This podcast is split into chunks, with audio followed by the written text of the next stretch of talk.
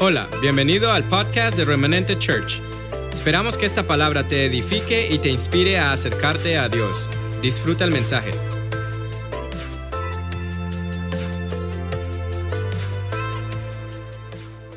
Hemos estado hablando los últimos tres domingos, si no estoy mal, sí, los últimos tres domingos en una serie. Empezamos una prédica con el título de Sin miedo al éxito, lo cual se convirtió ahora en una serie. Y hoy es el tercer domingo de esa serie, de esa serie, Sin miedo al éxito. Estuvimos hablando de Estuvimos hablando de creen lo mismo pero no son iguales, lo cual se lo cual hacía referencia al temor y a la fe.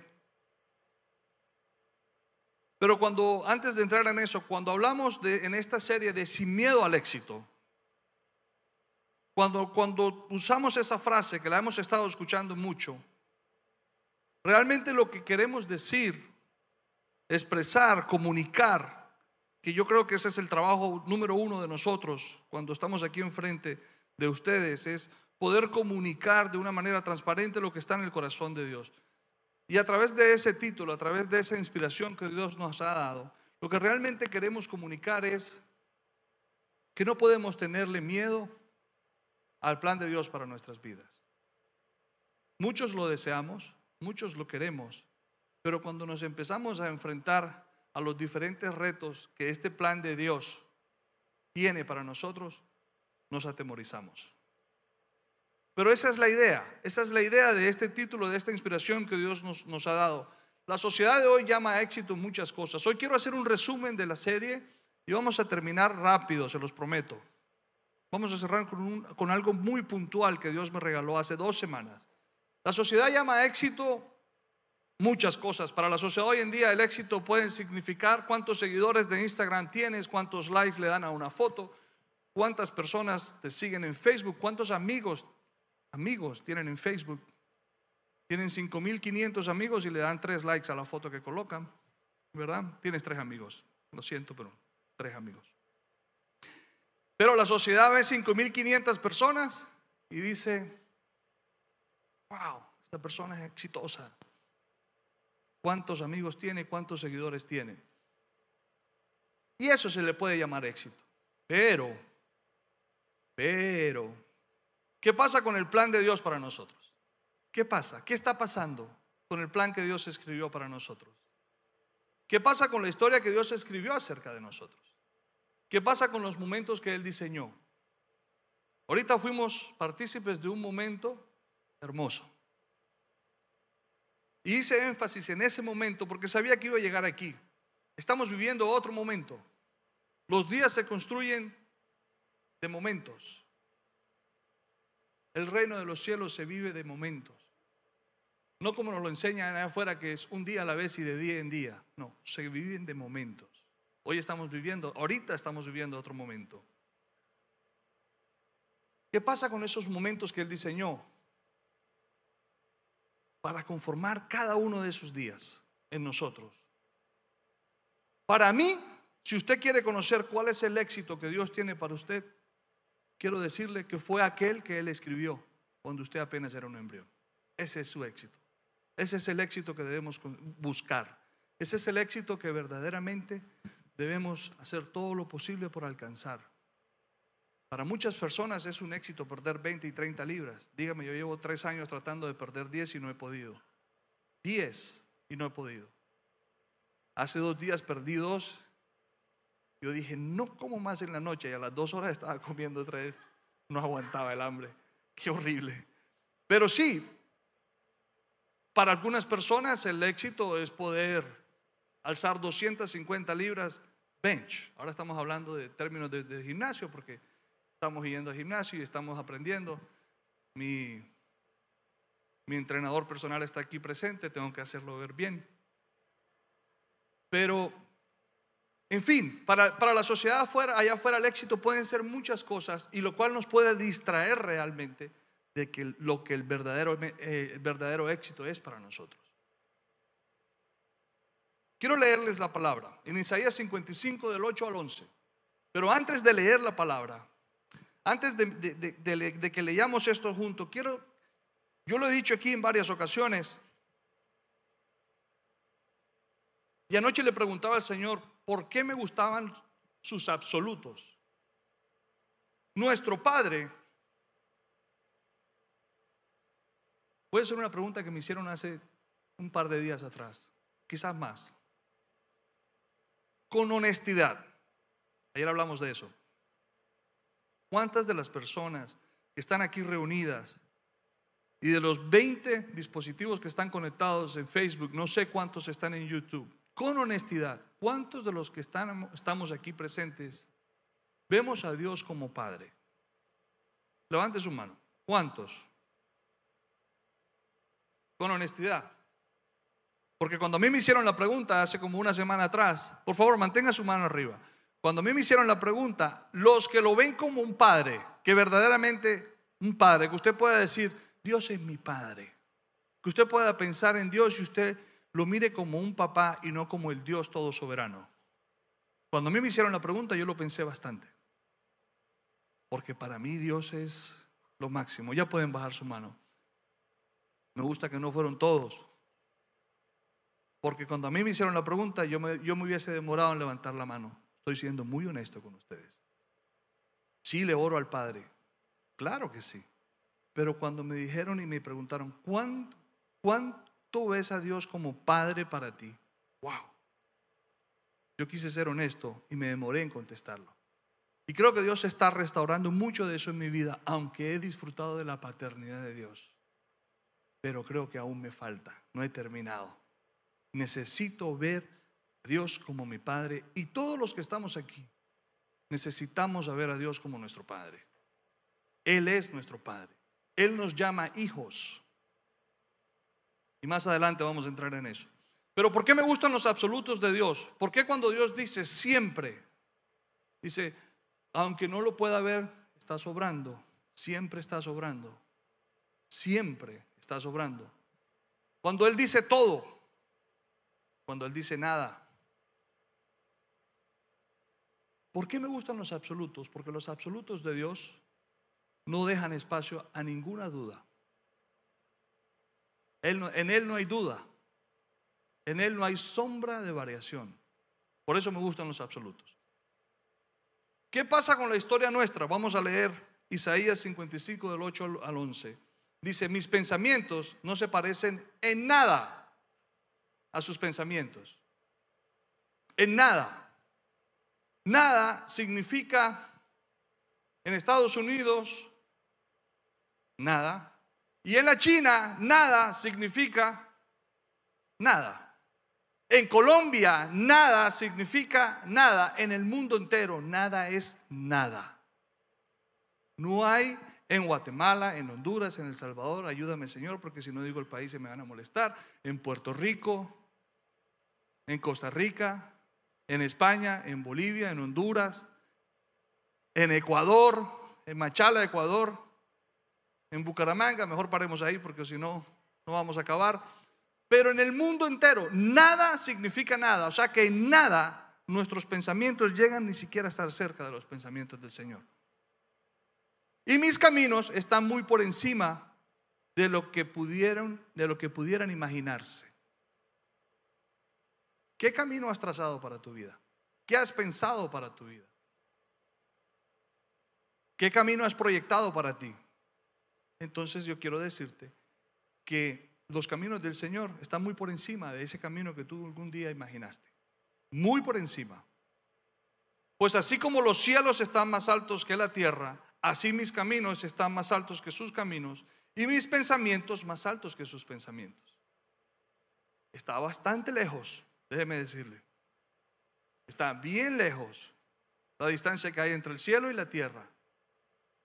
Y llegamos allá arriba en avión y todavía no vemos qué tan alto puede seguir siendo el cielo. Está bien lejos los pensamientos y los caminos que Dios ha diseñado acerca de nosotros en comparación a los que nosotros tenemos, en comparación a los que el mundo nos ofrece, en comparación a lo que la sociedad nos está invitando a hacer. Están muy lejos. Pero me gusta esta parte que dice, la lluvia y la nieve descienden de los cielos y quedan en el suelo para regar la tierra. Interesante. Pero después dicen, hacen crecer el grano y producen semillas para el agricultor y pan para el hambriento. Lo mismo sucede con mi palabra. ¿Cuál es la palabra de la que el Señor está hablando aquí? Esa que Él escribió acerca de ti. Esa historia que Él escribió acerca de ti. Lo mismo sucede con mi palabra, con mis promesas.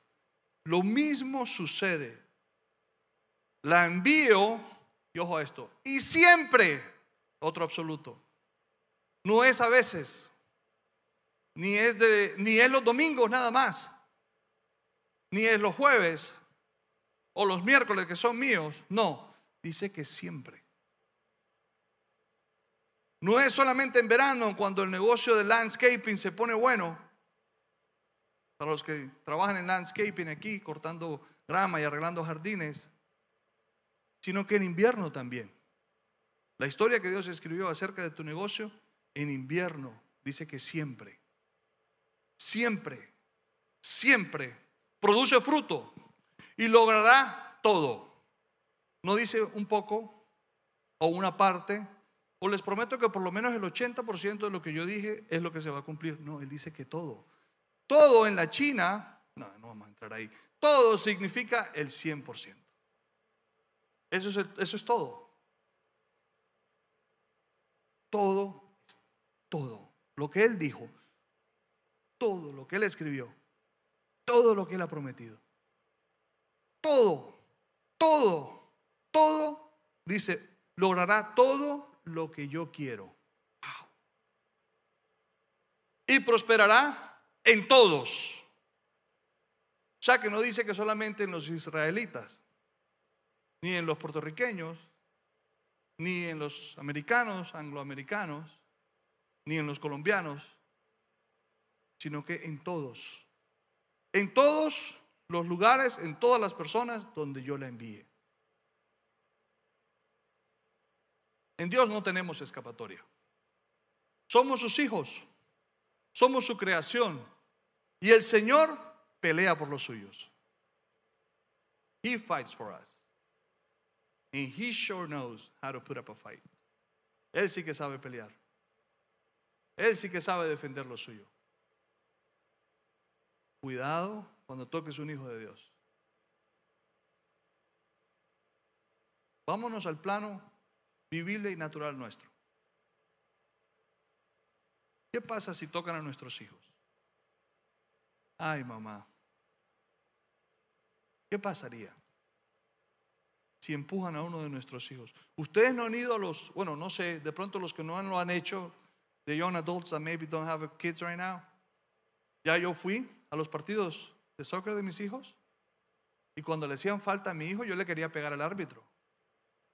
Estás ciego, ¿qué te pasa? Que no estás viendo, que mira, yo lo vi, fue malintencionado. Por favor, se me va, Señor, para el carro, si no, no sigo pitando el partido.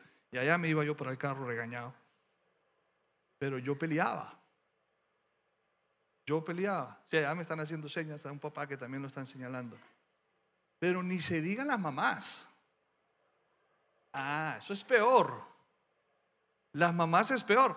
Cuando hablan mal, es peor que si les hubieran pegado es una cosa que les duele hasta el ombligo, no sé por qué. Y tiemblan y empiezan a sudar y les sudan las manos y se molestan y se hacen el moño como si tuvieran la persona enfrente ya listas para entrar, ¿no? Y, están leyendo un texto, ¿no? Están mirando una foto y, y empiezan, ¿no? Mucho cuidado. Ahora se imagina a Dios, se imaginan a nuestro Padre cuando le tocan a uno de sus hijos? ¿Se imaginan a quién están tocando? Si lo empezamos a ver como padre, les cuento que la cosa va a cambiar. Por eso es importante empezar a vivir este evangelio sabiendo que tenemos un padre que escribió una historia acerca de nosotros y que cumple con sus promesas.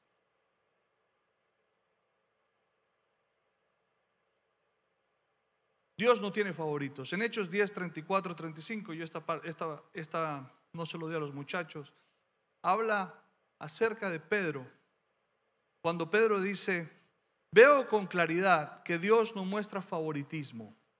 En cada nación Él acepta a todos los que le temen y hacen lo correcto.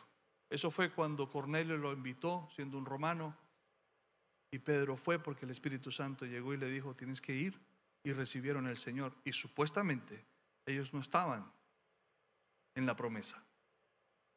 Pero después de eso Pedro dijo, veo verdaderamente que Dios no tiene favoritismo. Así que esto no es para los pastores nada más. Esto no es para los apóstoles, para los profetas, para los maestros, para los sugieres. Esto es para todos. Esto es para todos. En Éxodo 14, del 11 al 14, cuenta la historia de cuando Moisés llega, ya ha salido de Egipto, antes del versículo 11 habla de que el pueblo de Israel salió victorioso, victorioso con puño en mano, desafiando al pueblo de, egipcio. Pero en Éxodo 14, 11, sucede que el faraón se arrepintió de haber dejado ir al pueblo y salió corriendo detrás de él con los mejores hombres y los mejores carros. Y los tenían acorralados entre la orilla del mar y su ejército. Y cuando los israelitas se enteraron, oraron a Dios y después se fueron a buscar al culpable, como hacemos muchos de nosotros. Sí, oramos a Dios, pero después le echamos la culpa al vecino. Oramos a Dios, pero le echamos la culpa a la esposa. Oramos a Dios, pero le echamos la culpa al maestro. Oramos a Dios, pero le echamos la culpa al esposo. Y vamos y la culpamos o lo culpamos de todo lo mal que estamos.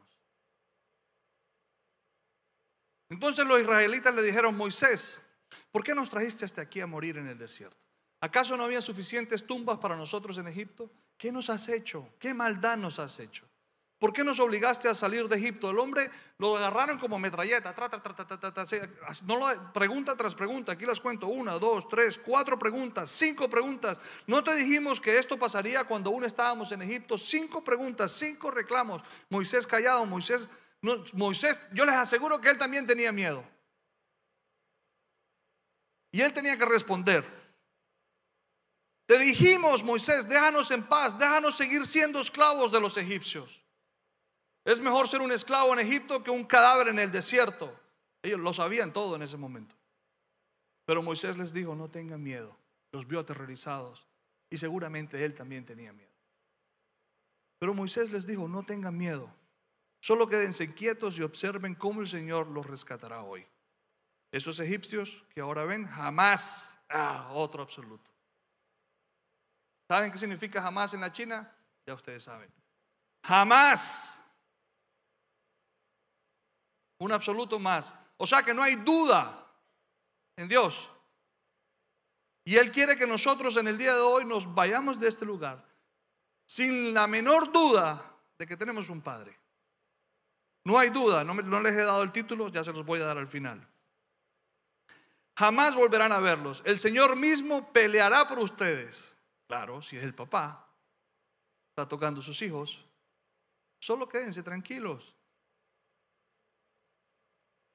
¿Qué sucedió aquí? En muchas ocasiones nosotros le oramos a Dios, nosotros clamamos a Dios, en muchas ocasiones nosotros le pedimos a Dios que haga algo por nosotros, en muchas ocasiones presentamos delante de Dios nuestra causa, en muchas ocasiones estamos angustiados y no sabemos qué hacer y no sabemos cómo comportarnos, no sabemos qué decisión tomar, no sabemos qué, qué camino seguir, no sabemos si va a pasar lo que el Señor me había prometido y caemos en angustia, en ansiedad y empezamos a orar. Y le pedimos a Dios que haga algo. En muchas ocasiones le pedimos a Dios un milagro. Señor, necesitamos un milagro, solo un milagro tuyo. Yo estoy pidiendo milagros en mi vida. Solo un milagro tuyo puede cambiar esto, Señor. A veces es un milagro financiero, a veces es un milagro de salud, a veces es un milagro a nivel familiar. Pero necesitamos un milagro y le clamamos a Dios un milagro. Bueno, el pueblo del Señor había clamado por un milagro. En Éxodo 3, leímos Éxodo 14, vámonos a, capítulo 3, dice 3.7, dice, Cuando el Señor llama a Moisés y le enciende la zarza y está el arbusto quemándose y Moisés está cuidando las vacas de su suegro, ustedes conocen esa historia, y él dice, esto está muy extraño, voy a acercarme, y se acercó y empezó el Señor a hablarle. Le dijo, quítate los zapatos, el lugar que estás pisando santo es. El llamado que el Señor le hace a Moisés y le dice, el Señor le dijo, ciertamente he visto, el Señor mira, la opresión que sufre mi pueblo en Egipto He oído, he visto y he oído sus gritos de angustia a causa de la crueldad de sus capataces. O sea que el Señor sí ve nuestros problemas. Y el Señor sí oye nuestras oraciones. Y cuando usted está arrodillado, como estábamos ahorita hace un momento, y usted está clamándole al Señor y usted está intercediendo y es tomado por el Espíritu, y en muchas ocasiones usted empieza a gemir. Y usted no sabe los gritos que está dando y ni sabe qué significa, pero es el Espíritu Santo conectado con el trono. Aquel que te ayuda a interceder por lo que verdaderamente tú necesitas. Eso solamente sucede allí cuando te postras delante del Señor. Eso hizo el pueblo de Israel. Entonces el Señor dijo, he visto y he oído sus gritos. ¿Se imaginan cómo gritaba esa nación? ¿Se imaginan cuando oraba esa nación, cómo oraban y cómo gritaban? Y dice, estoy al tanto de sus sufrimientos, o sea, los conoce muy bien. Dios sabe cuánto está sufriendo. Lo conoce muy bien. Por eso, porque le he oído, porque he visto, porque estoy al tanto y conozco los detalles, por eso he descendido para rescatarlos del poder de los egipcios, sacarlos de Egipcio y llevarlos a una tierra fértil y espaciosa. Entre otras cosas, esa, esa era la promesa del Señor para su pueblo. Es una tierra donde fluye la leche y la miel, la tierra donde actualmente habitan los cananeos, los haititas, los amorreos, los fereceos, los heveos, los jebuseos, como dicen por ahí, y todos los feos. Ahí están habitando. Le dijo, le dijo, hombre, tengo esta tierra donde habitan tales personas para que sepas dónde es, a dónde lo voy a llevar. Y después me, llama la, la atención que le dice a Moisés, y yo creo que en ese momento él le corre el velo a Moisés, y le dice, mira a Moisés, el clamor de los, de los israelitas me ha llegado, y vuelve y le repite, y he visto con cuánta crueldad abusan de ellos los egipcios. El Señor va a tocar el corazón de alguien. El Señor va a abrir puertas. El Señor le va a correr el velo a muchas personas que tú no conoces. Y por causa de Jehová su Dios correrán a ti y te vendrán a ayudar. Por causa de la promesa, por causa de que Él dice que todo lo que Él escribió acerca de ti se va a cumplir, porque Él lo quiere. Si usted quiere leerlo en casa, está en Isaías 55. Todo, dice que todo, no un 80%, ni un 90%, ni un 95%, un 100% se cumple. Pero me gusta cómo le corre el velo a Moisés y le dice, mira. Y antes de avanzar, lo que me sorprende es que esto sucede en Éxodo 3. Pero en Éxodo 14, cuando ya el pueblo había salido victorioso de Egipto y habían salido con el puño en mano, victoriosos, dándole la espalda al, al, faraón en señal de victoria y desafiando su autoridad porque iban victoriosos. Ojo, no solamente se fueron libres, sino que se llevaron sus tesoros también. Y llevaban todo consigo. Cuando llegan y se encuentran con que el faraón los está siguiendo de nuevo, se les olvidó todo esto y todo el oro que llevaban. ¿Sabe qué se les olvidó? Lo que habían orado. ¿Y a cuántos de nosotros, si somos honestos, nos pasa lo mismo? Pedimos que el Señor nos prospere y después decimos que tenemos mucho trabajo y no podemos. Pedimos que el Señor nos bendiga y después decimos que no hay empleado suficiente porque la mano de obra no hay. Pedimos que el Señor nos libere y cuando nos, muchas veces, cuando usted y yo pide un milagro, el Señor nos va a sacar de la, de la zona de la comodidad en la que estamos. Sí, claro. Él no tiene problema con hacer el milagro. El milagro es lo de menos. Pregúntenle a Moisés, la zarza no se consumía. Y solamente muchas veces el milagro es para llamar nuestra atención y decir, yo estoy aquí, tengo un plan contigo, no se me ha olvidado, acuérdate cuando estaba joven. Bueno, llegó el momento de que se cumpla. El hombre estaba muy cómodo cuidando las ovejas de su suegro, estaba bien, no necesitaba nada. Y le tocó ir a enfrentarse nada más y nada menos que ante el faraón. Mucho, el pueblo le clamó a Dios, le lloró a Dios, le suplicó a Dios, sufrió. El Señor estuvo al tanto de la crueldad que este pueblo vivió y el Señor mismo descendió para defender a su pueblo, a sus hijos. Y cuando lo está defendiendo, lógicamente lo saca de la comodidad en la que estaba, de, lo que estaba acostumbrado. Eh, ¿A qué estamos nosotros acostumbrados en nuestra vida que no queremos dejar, pero sí queremos el milagro? ¿Qué tenemos en nuestro sistema, en nuestro día a día? ¿Qué vivimos en nuestro momento, momento?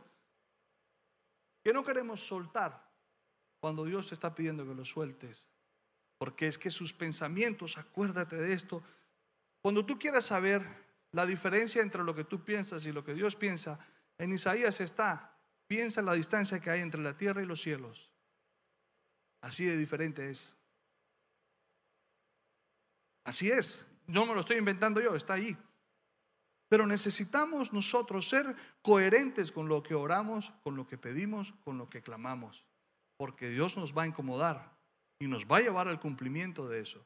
Muchas veces las oraciones que nosotros hacemos son dirigidas por el Espíritu Santo de Dios, aquel que lo conoce todo y lo escucha todo, aquel que lo conoce su historia, aquel que fue testigo de cuando el Señor empezó a escribir.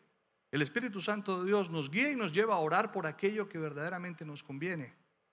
Entonces, cuando empezamos a, vivir este proceso y nos encontramos ante dificultades y ante gigantes que ya pensábamos que habíamos vencido y vuelven y se aparecen, entonces decimos, ay, yo mejor me hubiera quedado como estaba. Yo para qué me puse a inventar. Yo para qué me puse a abrir otro negocio, hermano. Ah, si yo estaba bien. Yo para qué me puse a buscar otro empleo si yo con mis 35 horitas estaba súper. Y me puse ahí con la idea y el tema de conseguir otro empleo. Me conseguí 25 horas más. Ahora estoy trabajando 60 horas. No, hermano. No. Pero, hijo, tú me pediste una casa. Yo te voy a traer las personas que te van a ayudar a conseguir la casa. Yo te voy a dar gracia y favor. Yo te voy a ayudar a cancelar deudas. Yo te voy a ayudar para que puedas ahorrar para la cuota inicial. Pero hay que trabajar. Sabes que en ese trabajo extra que tienes, con ese jefe nuevo que tienes, está el Señor forjando tu carácter también. Y está el Señor prosperándote, está el Señor... Cuando pensamos en prosperidad, inmediatamente pensamos en dinero. No, prosperidad tiene también que ver con crecimiento personal. Está el Señor prosperándote personalmente hablando, está el Señor bendiciéndote personalmente hablando, está el Señor haciendo de ti un hombre honesto, un hombre recto, un hombre leal. Ayer hablábamos de esto, un hombre con honradez, un hombre con respeto. Y eso no lo enseñan en las universidades. Eso se aprende si uno dispone su corazón para poder aprenderlo.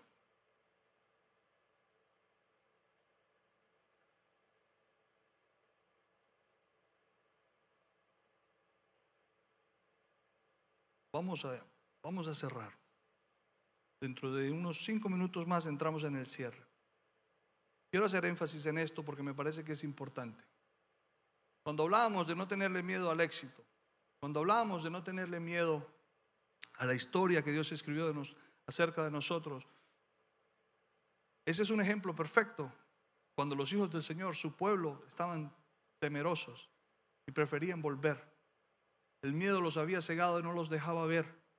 Ojo, y el pueblo sabía para dónde iban, si no pregunten a Moisés. Fue lo primero que el Señor le dijo. El pueblo sí sabía para dónde iban, para la tierra de los feos. ¿Recuerdan? Para allá iba. Y a pesar de que sabían para dónde iba, cuando vieron que se apareció otra vez el egipcio, el, faraón y los egipcios, su mejor ejército, se llenaron de miedo. ¿Cuántos de nosotros aquí nos llenamos de miedo cuando nos encontramos con problemas y con circunstancias? ¿Cuántos de nosotros todavía estamos batallando con gigantes del pasado. El miedo y la fe se parecen en que los dos creen en algo que va a pasar. Pero el uno cree para bien, el otro cree para mal. El miedo es un sentimiento de desconfianza que nos impulsa a creer que ocurrirá algo contrario a lo que nosotros esperamos. La fe, Hebreos 11.1 lo dice, dice, es la certeza, la fe es la certeza de lo que se espera y la convicción de lo que no se ve. No puedo avanzar si no hago énfasis en esto. El miedo siempre va a ir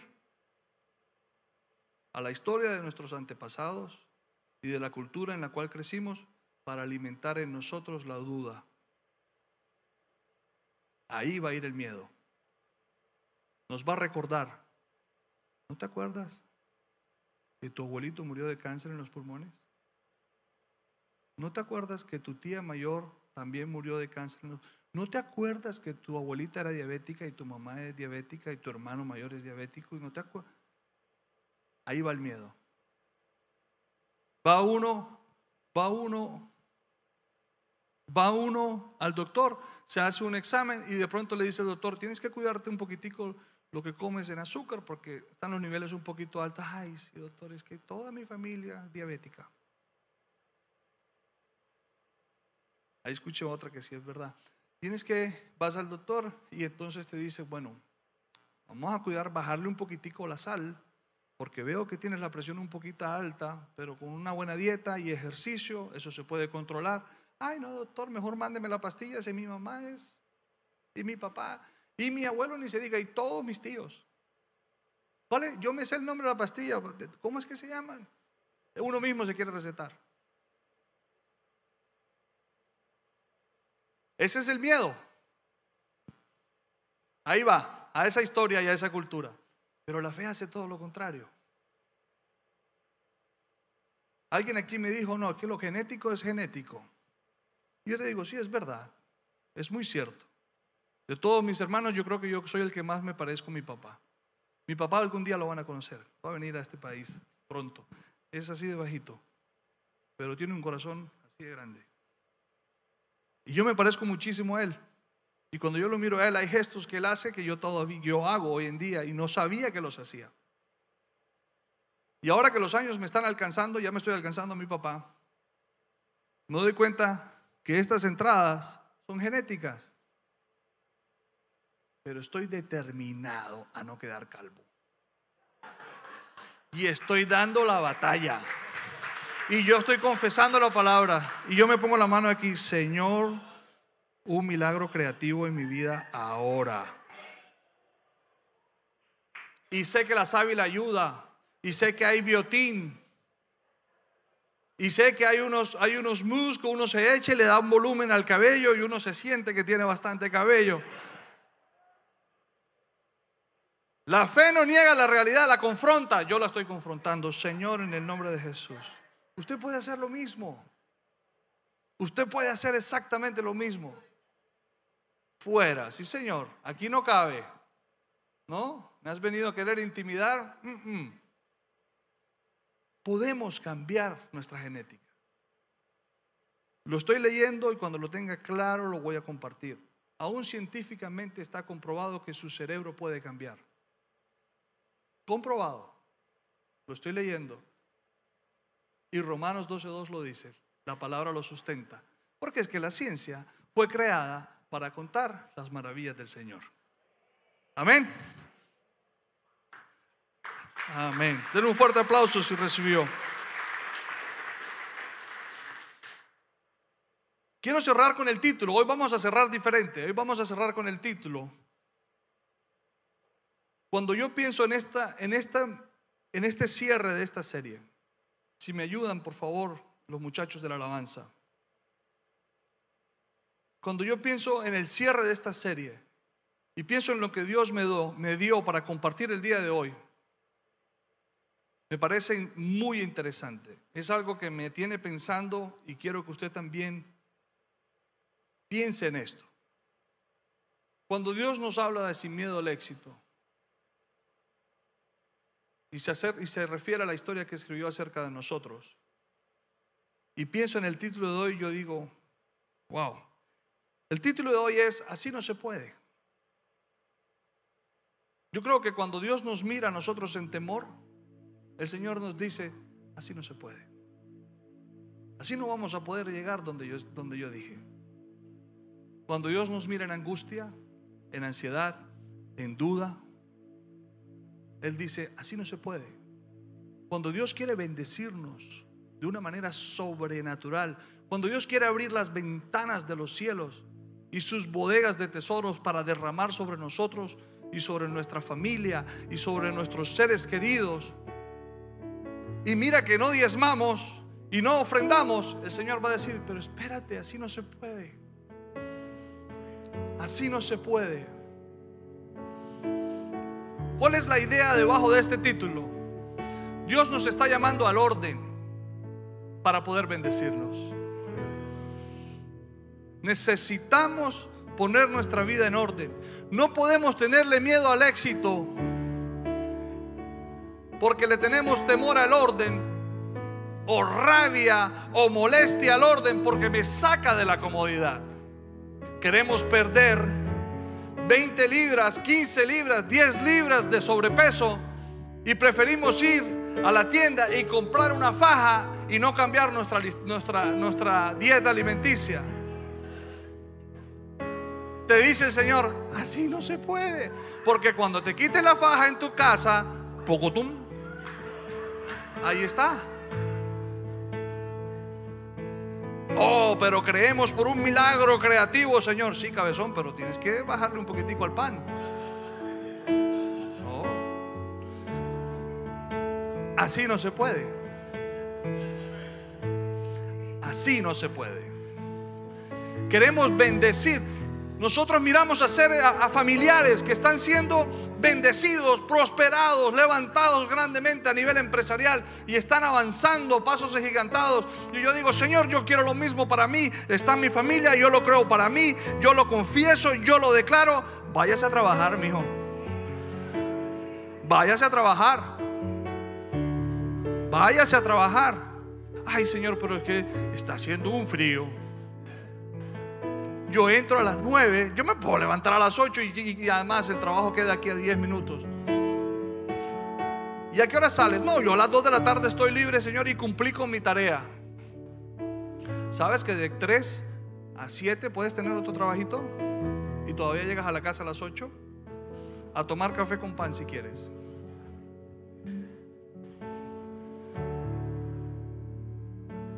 En desorden el Señor no va a poder bendecir nuestras vidas. Es imposible que el Señor pueda bendecir nuestras vidas si nosotros estamos en desorden. ¿Usted sabe qué produce el desorden en nuestras vidas? Vacío. Y el vacío produce más desorden. Y el desorden produce más vacío. ¿Por qué el vacío produce más desorden? Porque empezamos a querer llenar esos vacíos con desorden. Con más comida porque es que me da hambre. Con más videos pornográficos porque esta semana no lo he hecho, un día no pasa nada. ¡Wow! Qué duro.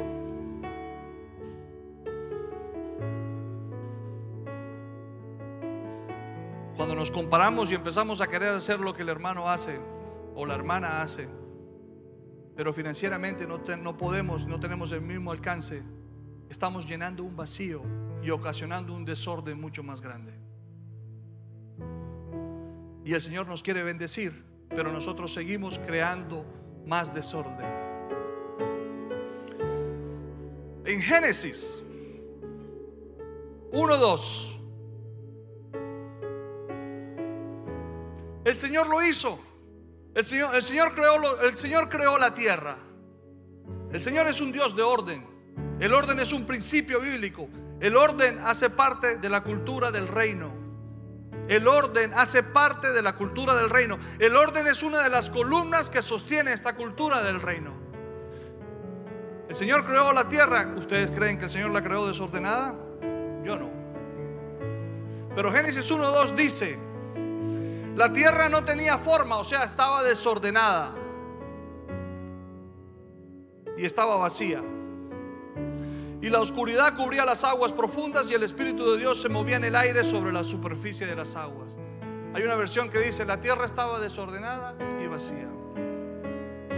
Y de ahí en adelante, si usted lee todo el capítulo 1 y el primer versículo del capítulo 2, usted se encuentra con que lo primero que el Señor hizo fue poner en orden la tierra para poder bendecirte a ti y a mí.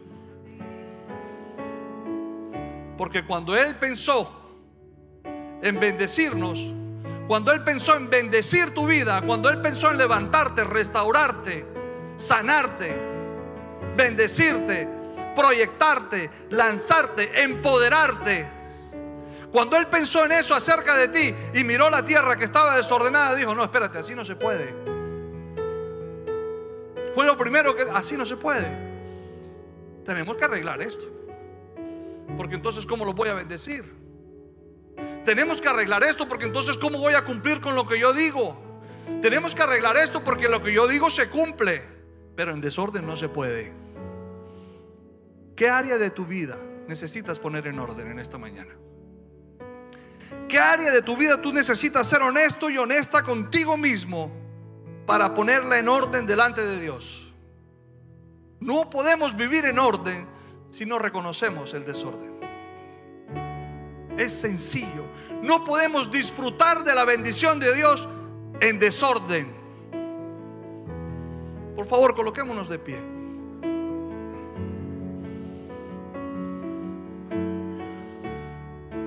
Dios no va a poder bendecir tu vida ni la vida de tu generación si estás en desorden.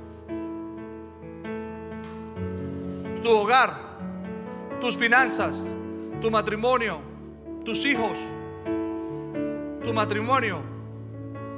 La sociedad allá afuera vendió una idea espectacular. Incluso el gobierno federal la respaldó la unión libre. Ya hay repartición de bienes en la unión libre y nos dejamos engañar y creemos que porque el gobierno federal la está respaldando, entonces está bien delante de Dios. No está bien. Lo siento, no está bien.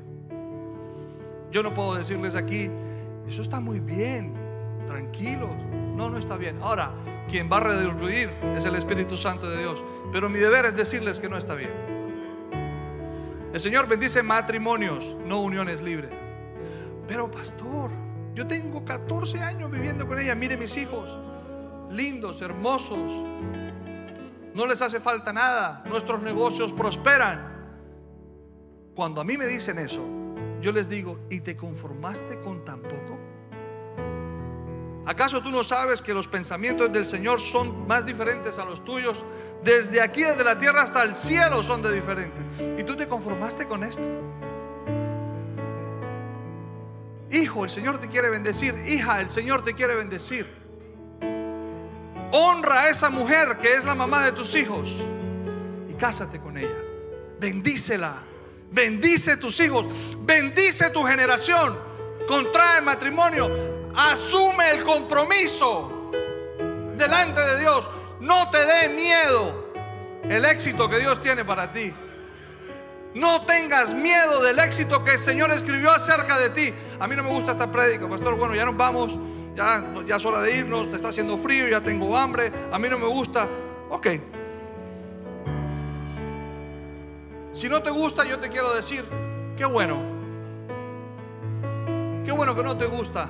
Eso quiere decir que el Señor te está sacando de la comodidad en la que has vivido por muchos años y te quiere llevar a vivir el éxito que Él escribió acerca de ti. No lo tomes personal, no soy yo.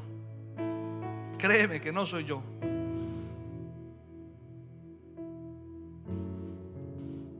La razón principal, la razón principal por la que hemos caído en desorden y por la cual Dios te dice hoy que así no se puede, aunque te quiero bendecir, pero así no se puede. Te he destinado para bendecirte, pero así no se puede. Viviendo en desorden no se puede. Sufriendo esos vacíos no se puede. Pero la razón principal por la que no se puede es porque hemos perdido nuestra identidad de hijos. Necesitamos empezar por ahí. si usted afirma el día de hoy su identidad de hijo, si usted recibe el día de hoy el espíritu del hijo, que es el que evidencia al Padre, usted empieza por buen camino. Y todas las cosas se van a poner en orden. Pero a partir de ahí, de que usted lo vea a Él como Padre, ¿de dónde sale eso? En Génesis está. Cuando la serpiente que era más astuta le preguntó a la mujer, ¿de, ¿de veras les dijo que no deben comer del fruto de ninguno de los árboles del huerto? Ella respondió, no, claro que podemos comer del fruto de los árboles del huerto, contestó ella. Es solo del fruto del árbol que está en el medio del huerto, del que no se permite comer. Dios dijo, no deben comerlo, ni siquiera tocarlo, si lo hacen morirán. La serpiente contestó, no morirán, le contestó a la mujer. Dios sabe que en cuanto coman del fruto, se les abrirán los ojos y serán como Dios.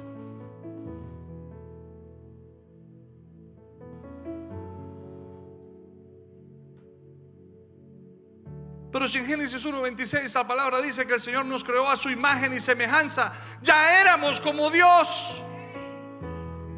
Ya éramos como Dios. Pero no teníamos nuestra identidad clara. Y por eso caímos. Tú eres hijo de Dios. Tú eres creación divina de Dios. Tú eres su obra maestra. Tú eres la niña de sus ojos. Tú eres su bebé. Eres perfecto, eres perfecta. Eres lo más hermoso que ha hecho el Señor. Eres su bebé. Cuando usted tiene su hijo en sus brazos y usted lo mira, usted dice, qué hermoso es mi hijo. Lo mismo dice el Señor acerca de ti. You're gorgeous, girl. Come on. Ante los ojos del Señor.